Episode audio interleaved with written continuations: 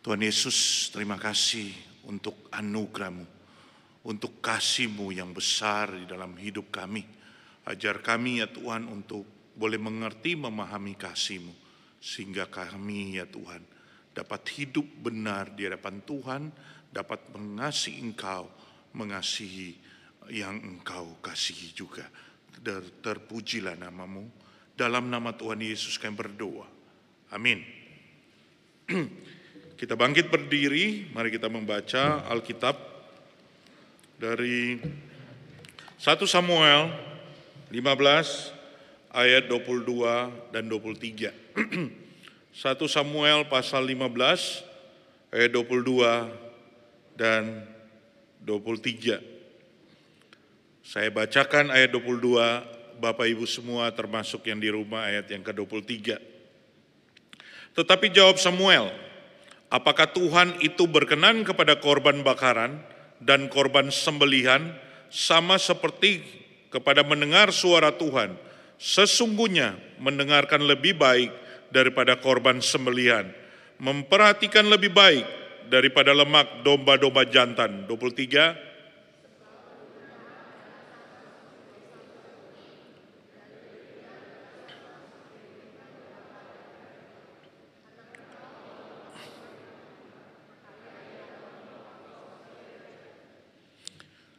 Silakan duduk.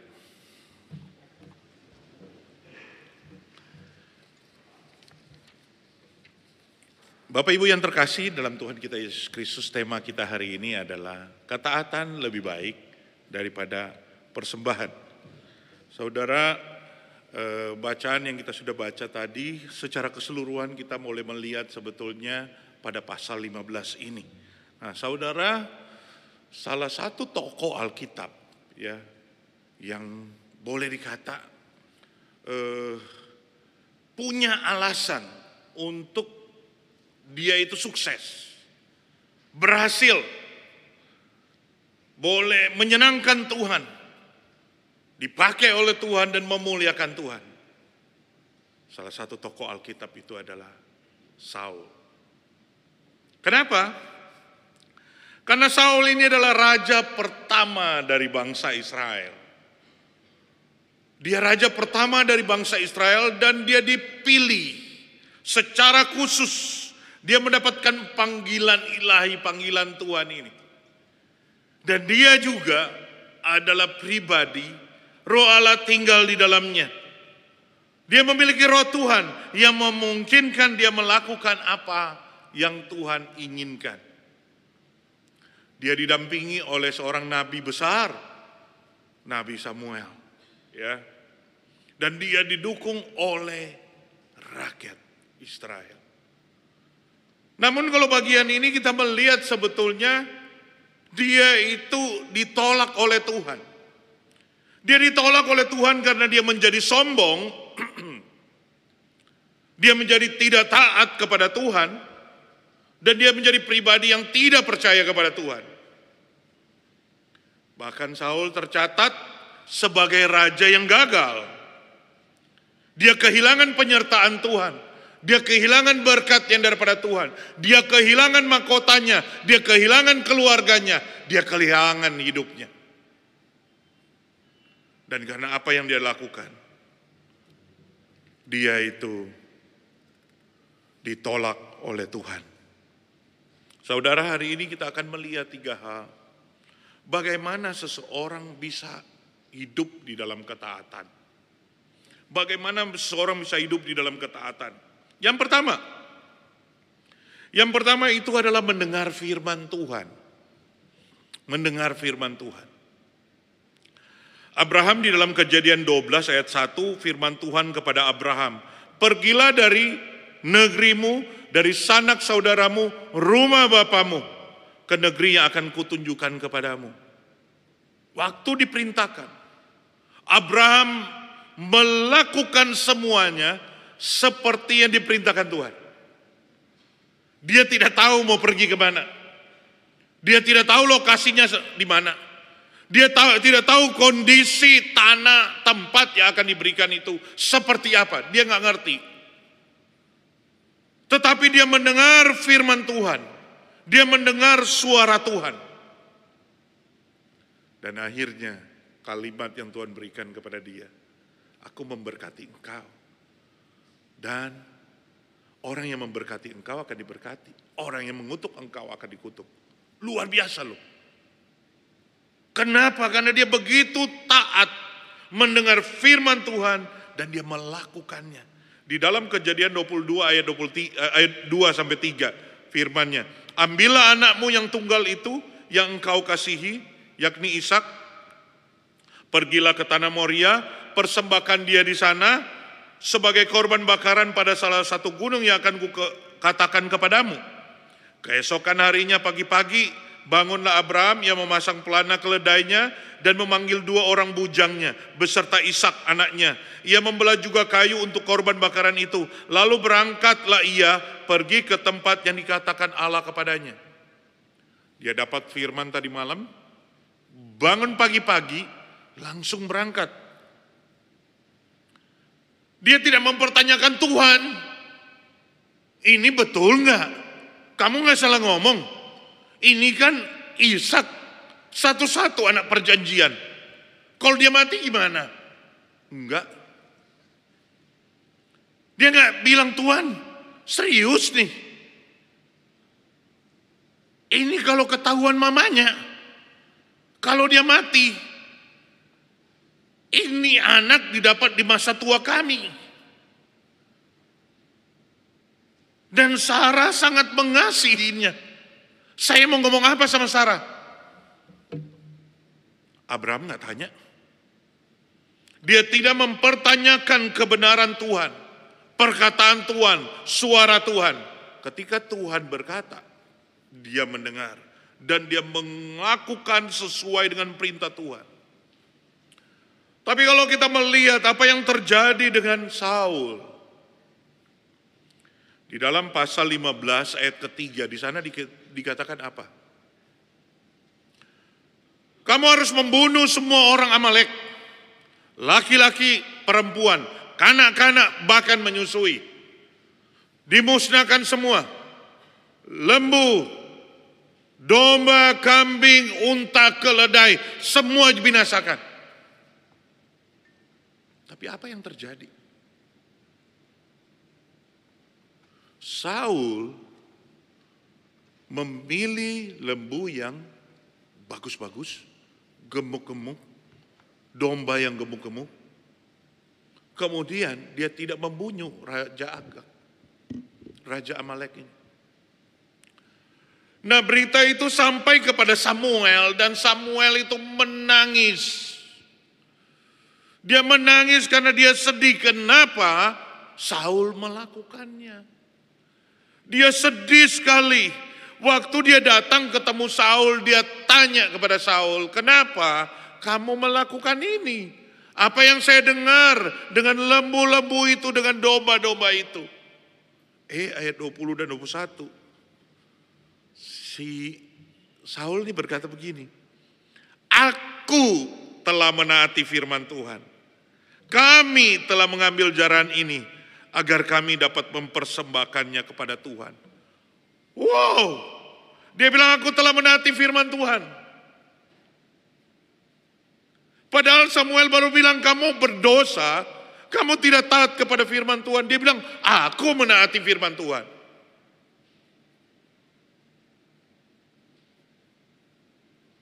Dia merasa dirinya dia benar.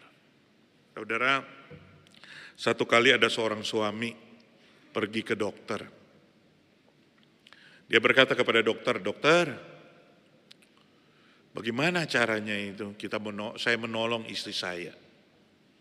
Istri saya ini udah sudah budek.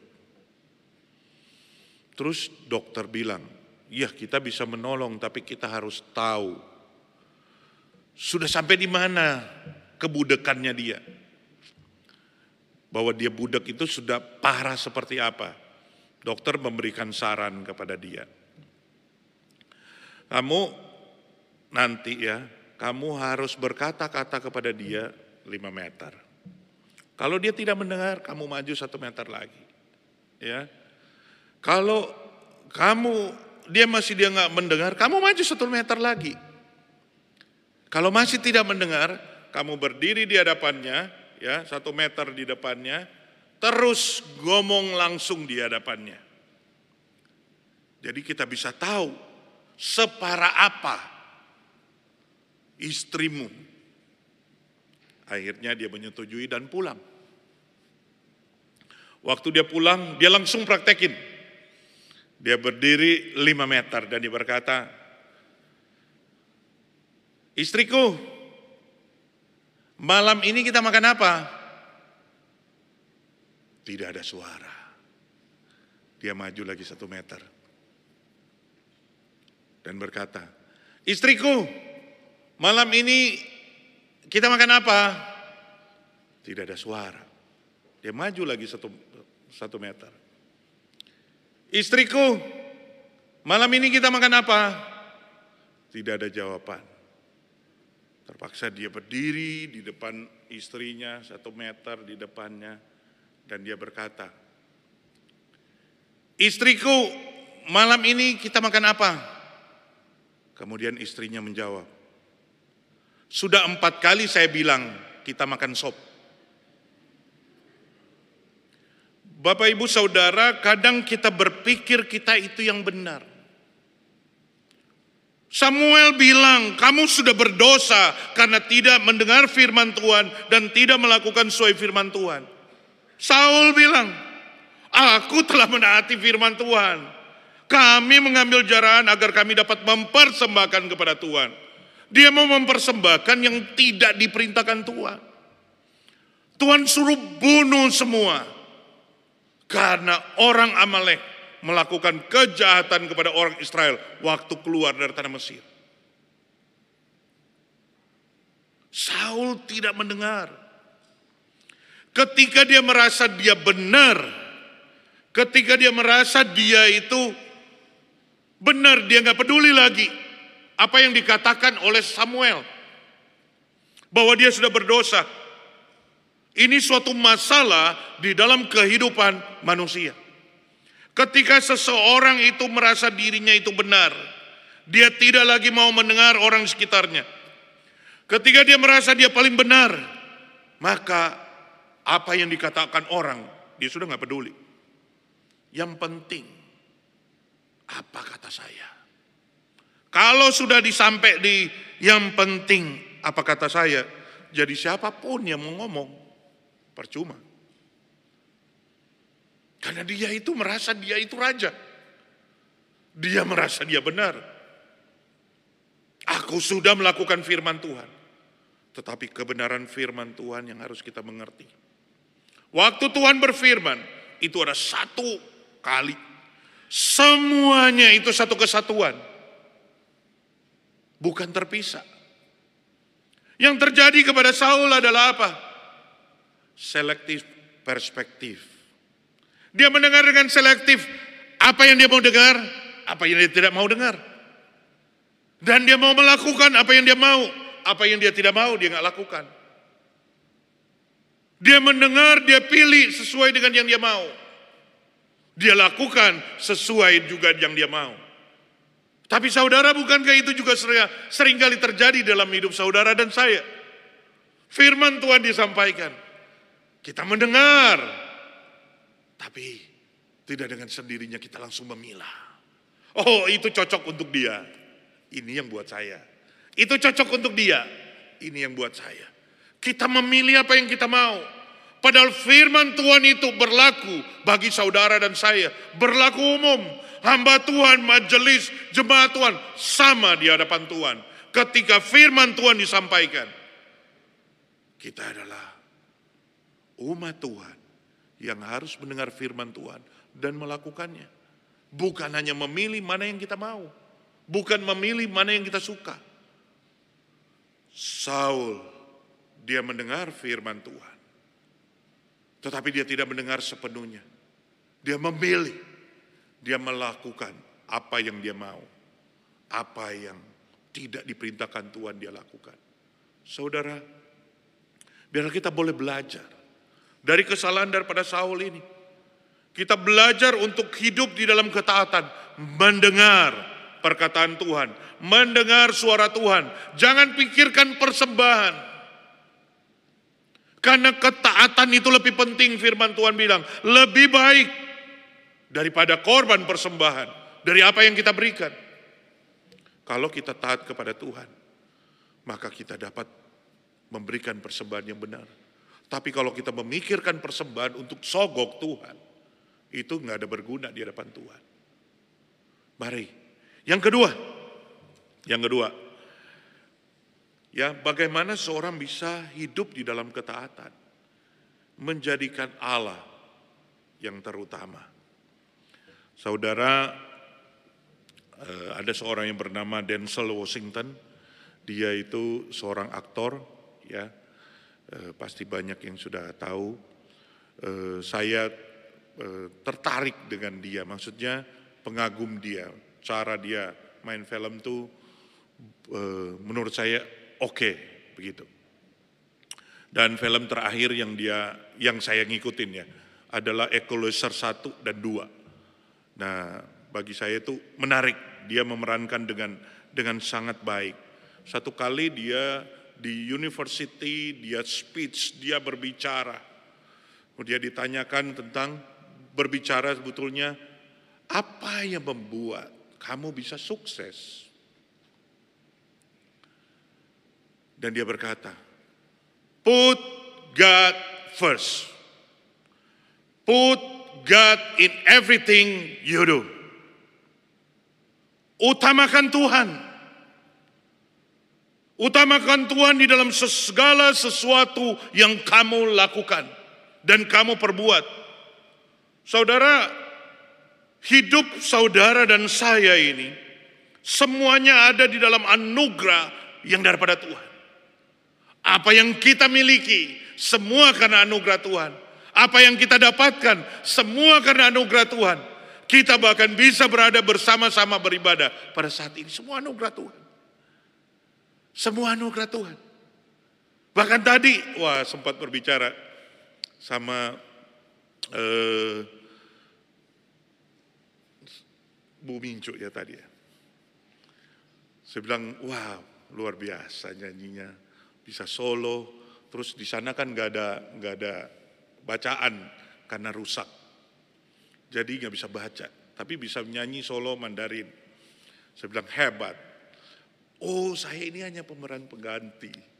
Harusnya ada yang melayani, tapi karena kondisi kurang sehat, jadi saya menggantikan. Saya bilang lebih lagi dong, karena katanya baru diberitahu tadi malam. Luar biasa, tetapi kita bisa melayani itu pun anugerah yang daripada Tuhan. Thank you ibu-ibu, bapak-bapak Sanctus Mandarin pelayanannya. Kita semua bisa melayani menjadi WL singers, pemain musik, asar apa pun itu. Semua anugerah Tuhan. Apa yang ada pada saudara dan saya, itu karena anugerah Tuhan.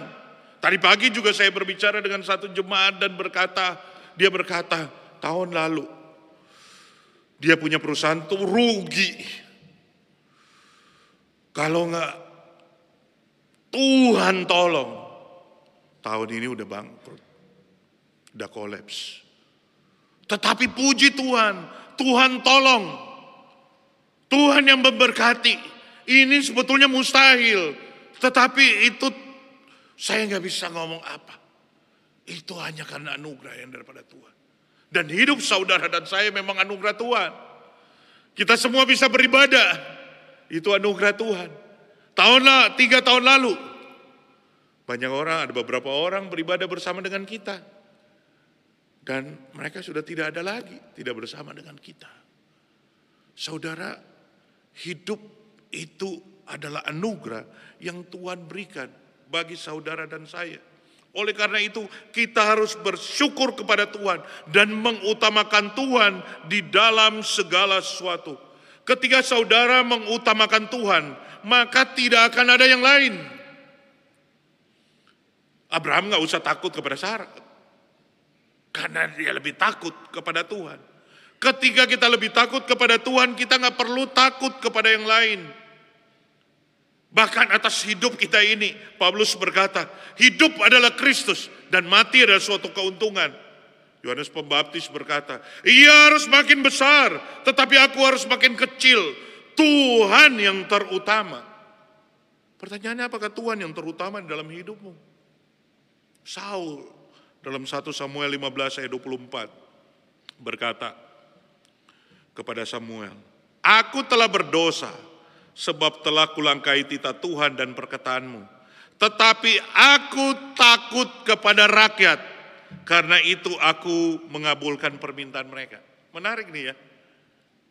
Dia raja yang dipilih oleh Allah. Diurapi menjadi raja pertama Israel. Luar biasa. Diurapi oleh Tuhan menjadi raja. Tuhan yang perintahkan firman Tuhan. Bunuh semua orang Amalek. Bunuh semua binatangnya. Kok bisa ya? ngomong di sini, tetapi aku takut kepada rakyat. Tetapi menarik di sini lagi kalau dilanjutkan ya. Karena itu aku mengabulkan permintaan mereka. Lebih lagi, dia menjadi Tuhan loh. Oke, boleh deh. Kamu ambil yang gemuk-gemuk ya. Nanti kita persembahkan kepada Tuhan. Yang benar saja. Siapa yang menjadi Tuhan? Tuhan bilang musnahkan kok. Kamu boleh bilang oleh ambil yang gemuk-gemuk. Kita persembahkan kepada Tuhan. Saudara, kalau kita mengutamakan Tuhan, kalau Saul mengutamakan Tuhan, dia tidak akan takut kepada siapa pun, termasuk kepada rakyatnya. Dan tidak mengindahkan apa permintaan mereka. Tetapi yang terjadi sebetulnya di sini adalah dia lebih memilih kehendaknya sendiri daripada kehendak Allah. Dia udah nggak takut sama Tuhan. Dia sudah merasa dirinya hebat. Wah, saya bisa mengalahkan bangsa Amalek. Bisa menghabisi mereka. Dia bawa itu. Dia bawa pulang. Raja Agak. Dia bawa pulang lembu dan domba yang gemuk-gemuk. Katanya untuk persembahan kepada Tuhan.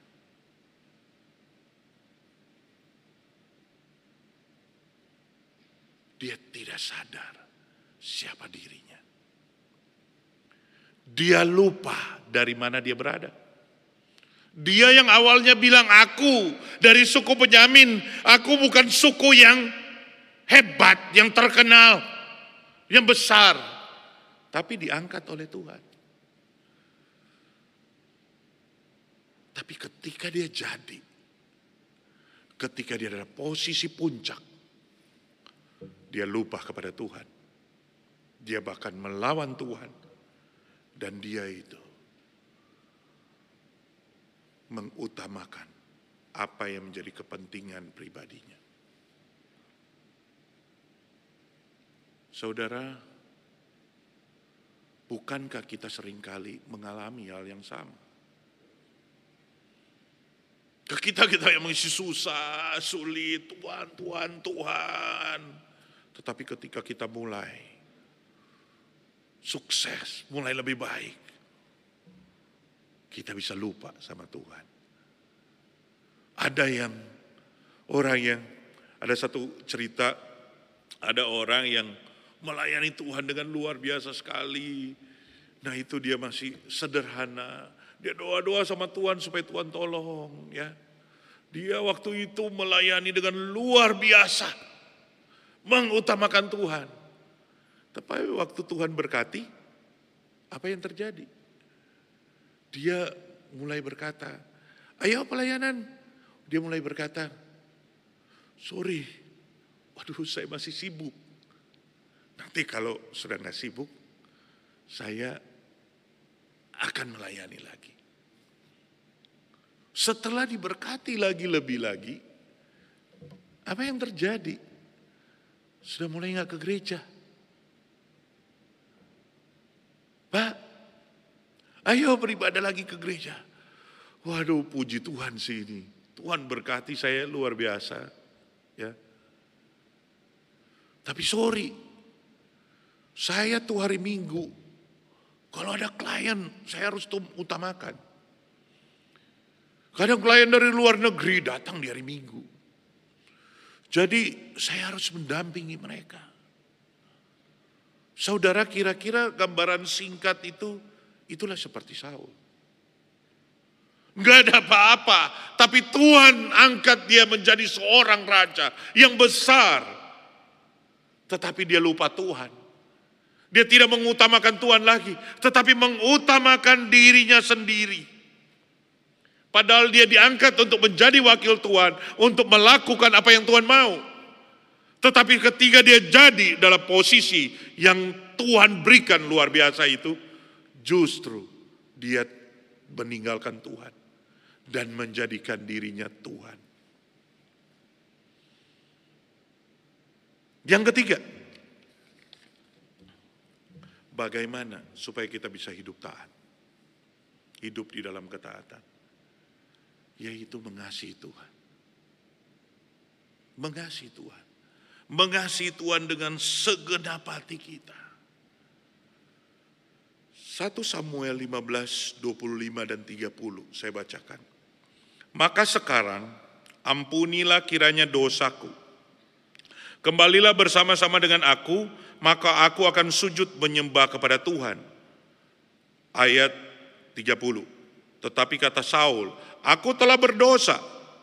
Tetapi tunjukkanlah juga hormatmu kepadaku.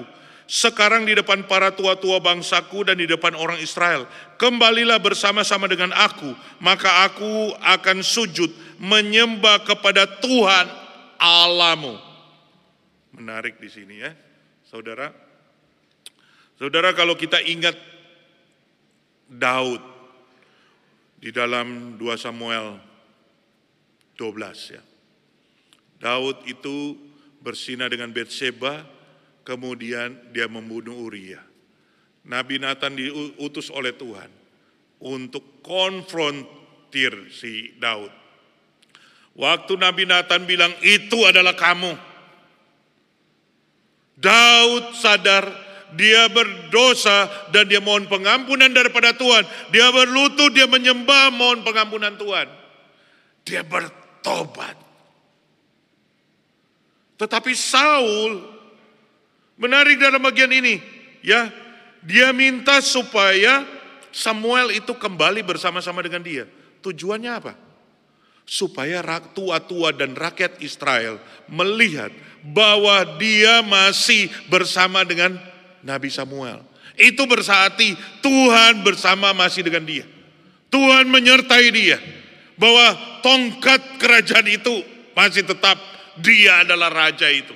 Padahal Samuel udah bilang, karena kamu tidak mendengar firman Tuhan, kamu ditolak oleh Tuhan. Dan penolakan ini luar biasa Bapak Ibu kalau kita membaca ayat 23. Sebab pendurakan, itu dianggap pendurakan, adalah sama seperti dosa bertenung, kedegilan, adalah sama seperti menyembah berhala dan terafim. Dia dianggap sebagai pribadi yang tidak kenal Tuhan. Dianggap sebagai orang yang menyembah berhala. Apa yang dilakukan oleh Saul ini. Luar biasa sekali dan bahkan di sini dikatakan di kalimat terakhir, maka aku akan sujud menyembah kepada Tuhan alamu. Kok aneh ya? Kenapa nggak bilang Tuhan Allahku? Karena udah ada masalah di dalam dirinya. Dia berdosa dan dia tidak bertobat. Nah kalau seseorang tidak ber, sudah berdosa dan tidak bertobat, maka dia tidak mungkin mengasihi Tuhan. Hanya orang yang bertobat adalah orang yang dapat mengasihi Tuhan. Dan orang yang mengasihi Tuhan yang dapat memberikan persembahan yang berkenan di hadapan Tuhan. Di dalam 1 Korintus 13 ayat 1 sampai 3.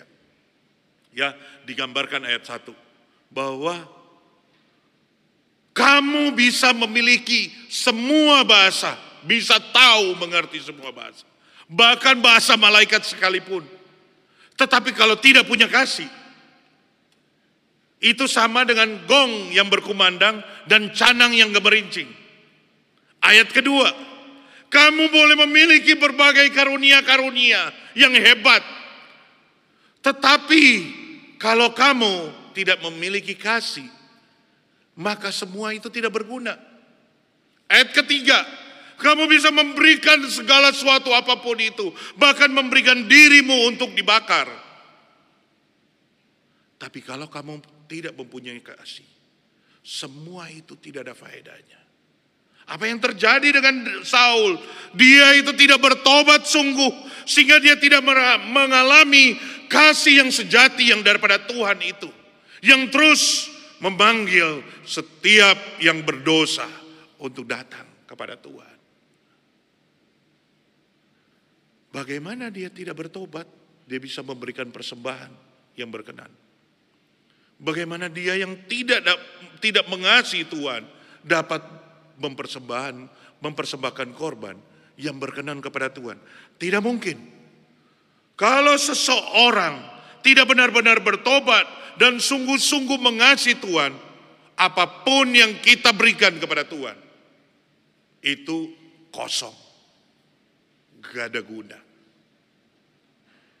Makanya selalu diajarkan bahwa sebaik-baiknya, yang terbaik, yang dipersembahkan oleh seseorang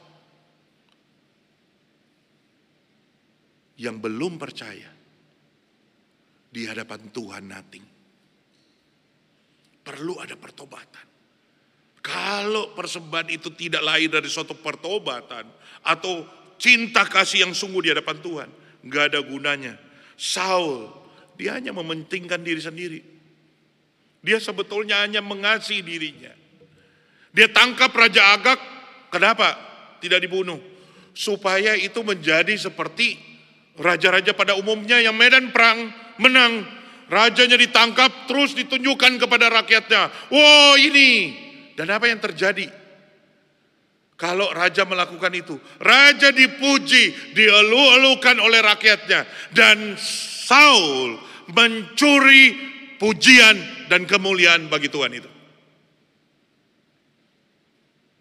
Karena dia mengasihi dirinya. Karena dia mencintai dirinya. Dia tidak mengasihi Tuhan dengan sungguh-sungguh, dengan segenap hatinya. Dia memang tampan, kuat, berani. Tapi ketika dia tidak mengasihi Tuhan, tidak berguna. Saudara, di momen-momen pandemi ini memang kita begitu banyak pergumulan ya uh, hidup tuh menjadi sulit, berbagai hal yang kita alami.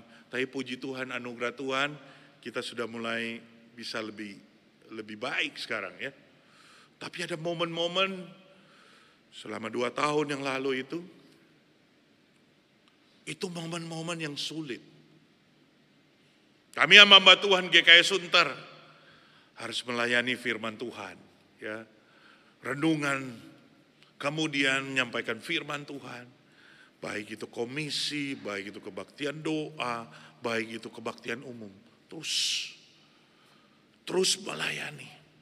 Tetapi ada momen-momen kita harus melayani jemaat Tuhan. Melayani di rumah, di rumah duka, melayani di di eh, krematorium, melayani di di penguburan. Itu sesuatu yang tidak mudah. Tapi bersyukur karena keluarga-keluarga kami itu mendukung. Karena kalau tidak didukung susah juga begitu ya.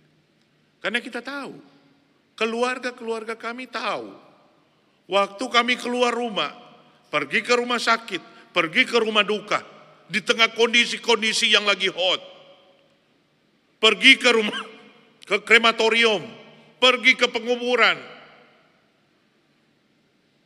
itu gampang sekali untuk kita bisa tertular. Tetapi puji Tuhan, Tuhan menjaga kami. Tuhan melindungi kami.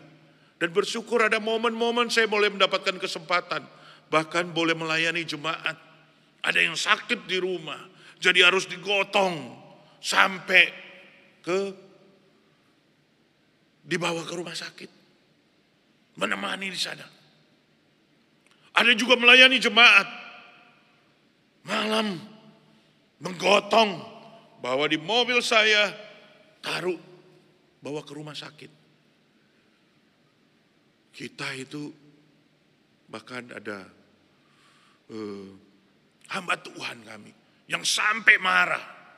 Kenapa?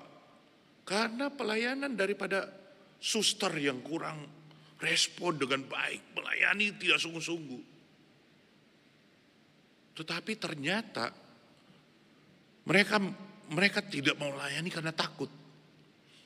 Karena orang itu ternyata sakitnya itu ada tertular satu penyakit yang sangat mematikan dan berjangkit.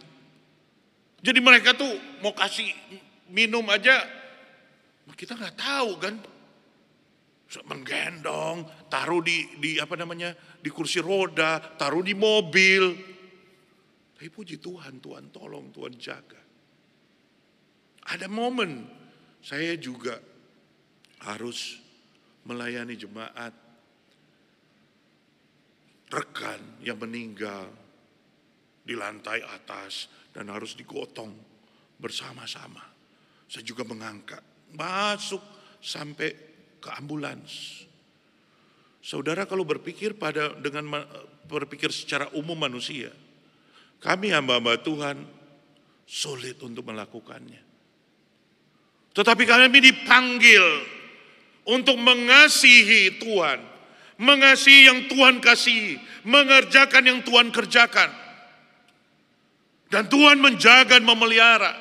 Kalau tanpa kasih daripada Tuhan dan tanpa kami mengasihi Tuhan, sulit sekali bagi kami untuk melakukan hal-hal di tengah-tengah orang berusaha menghindar untuk hal-hal demikian.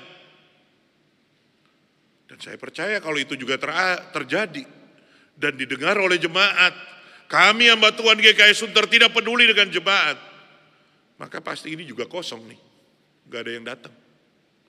Tapi puji Tuhan, kami hamba Tuhan GKI Sunter berusaha melakukan yang terbaik. Sudah maksimal? Kita nggak, saya percaya belum. Mungkin ada yang tidak sempat kami layani, tapi kami berusaha yang terbaik. Ada hal-hal yang kami mungkin masih kurang, mungkin bisa diperbaiki. Tetapi kami melakukan karena kami mengasihi Tuhan dan mengasihi jemaat Tuhan. Kiranya kita boleh belajar bagaimana kita hidup di dalam ketaatan. Bahwa kita harus hidup sesuai dengan firman Tuhan apa yang dikatakan Tuhan. Jangan pilih-pilih. Kita harus mengutamakan Tuhan dalam segala hal. Karena apa yang kita punya semua dari Tuhan. Kita harus mengasihi dia.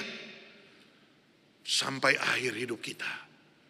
Karena dia sudah lebih dahulu mengasihi kita dengan datang ke dunia ini. Menjadi seorang hamba. Menjadi manusia. Menderita. Mati di atas kayu salib. Menyerahkan tubuhnya. Mencurahkan darahnya bagi saudara dan saya. Nanti kita akan memperingati. Untuk karya penebusan yang agung yang besar ini. Yesus menyatakan kasih yang besar itu. Nah kalau saya dan saudara tidak memahami kasih Tuhan ini kita tidak mungkin bisa mengasihi dia dengan benar. Kalau kita tidak mengerti kasih yang besar ini dan bahwa kami, kita semua sudah berlimpah dengan kasih dan berkat Tuhan itu, kita sulit untuk dapat mengasihi yang benar pada orang-orang di sekitar kita dan mengasihi gereja Tuhan, bahkan mengasihi Tuhan. Mari kita boleh menjadi orang-orang yang diselamatkan Hidup sebagai orang yang diselamatkan. Hidup sebagai orang yang diberkati Tuhan. Hidup sebagai orang yang benar. Hidup melakukan firman Tuhan. Mengutamakan Tuhan. Mengasihi dia sampai akhir hidup kita. Mari kita berdoa. Tuhan Yesus terima kasih kami bersyukur. Firman Tuhan sudah selesai disampaikan hambamu ini Tuhan. Tapi biarlah rohmu yang kudus yang terus bekerja dalam hati pikiran setiap jemaat Tuhan akan kasihmu yang besar itu. Dan bagaimana kami harus hidup di dalam ketaatan kepada Tuhan. Karena itu yang Tuhan inginkan. Biarlah kami juga terus mengutamakan Engkau. Karena tidak ada pribadi yang peduli kepada kami dan yang mengasihi kami lebih selain daripada Engkau. Terima kasih Tuhan, berkati setiap kami. Biarlah kami boleh mengasihi Engkau sampai selama-lamanya. Amin.